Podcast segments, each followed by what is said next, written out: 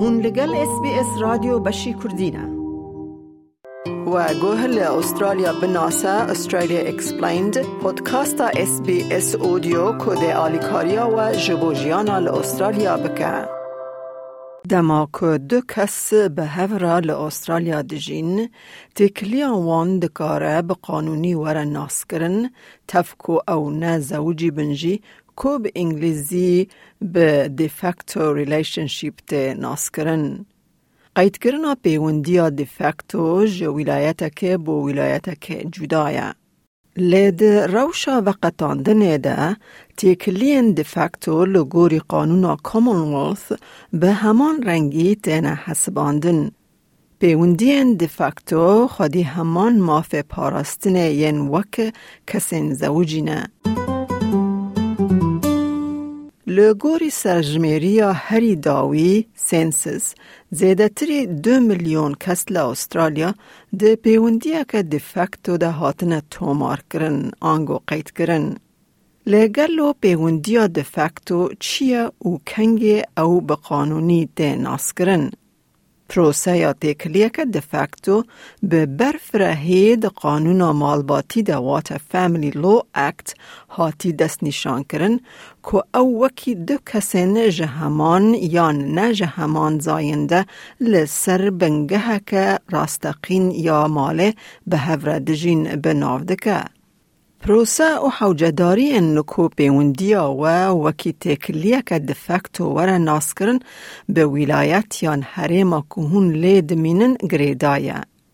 میناک لباشوری استرالیا تکلین دفکتو دبن قانونا قید کرنا تکلیان ریلیشنشیپ رجستر اکت 2016 ده تینا تومار کرن.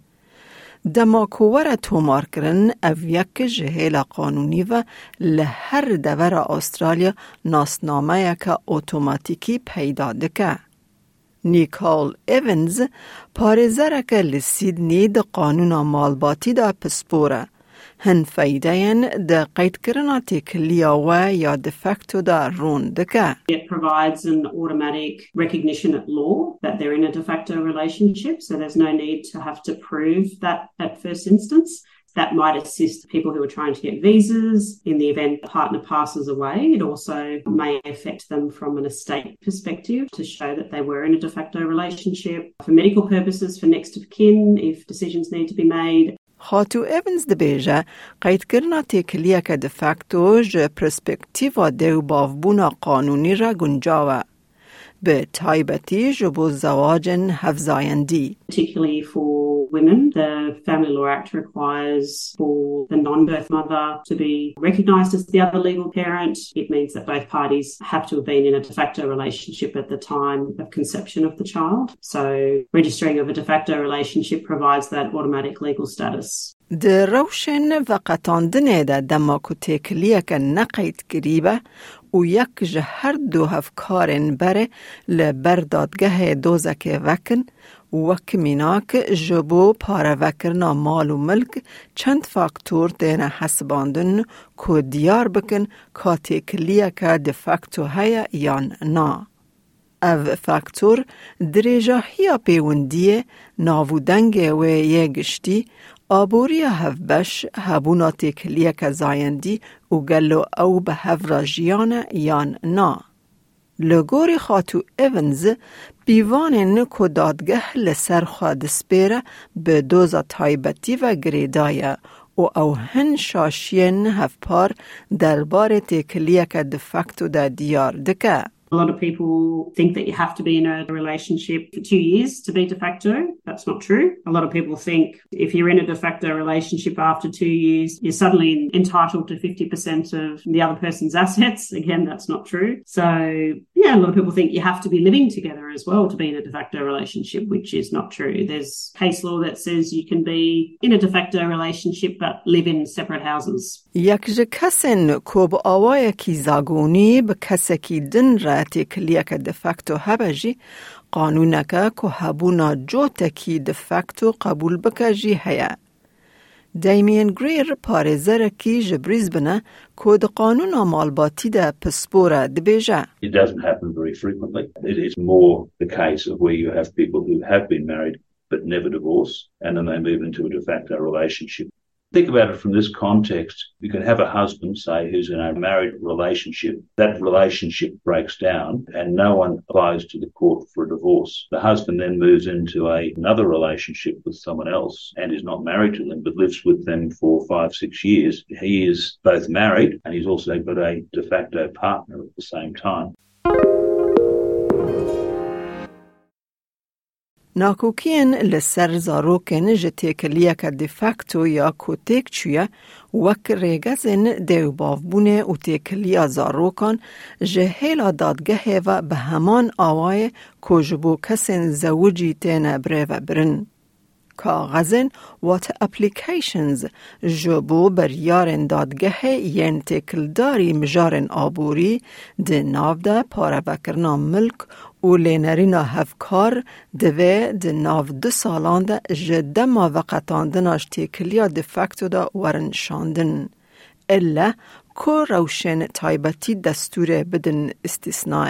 And Can seek leave of the court to proceed out of time, but uh, there are other issues that you then have to address. and it's much more complicated. And so it really is a very good idea to bring an application within the two year period وکیدن دوی هفکارن بره آنگو پارتنرز بگهیجن پیمانه که هفبش لی دوی او ده همان ده راست بکن که پیمان جهیل قانونی و درباس داره. really important thing is it must be properly documented. And the two ways of documenting it are either asking the court to make orders by consent resolving financial matters, or you can enter into a financial agreement. جوتن de facto وک هف پارن خواه ین زوجی دکارن ده هر کلیه که ده ده دما پیوندیه ده بکون پیمانه که آبوری یا پیوندی دار. گرینگه کو بالا خواه بدنه کو اف جله با پیمان تن جهیلا پسپوره کی دادریسی و دکاره وره آمده کرن.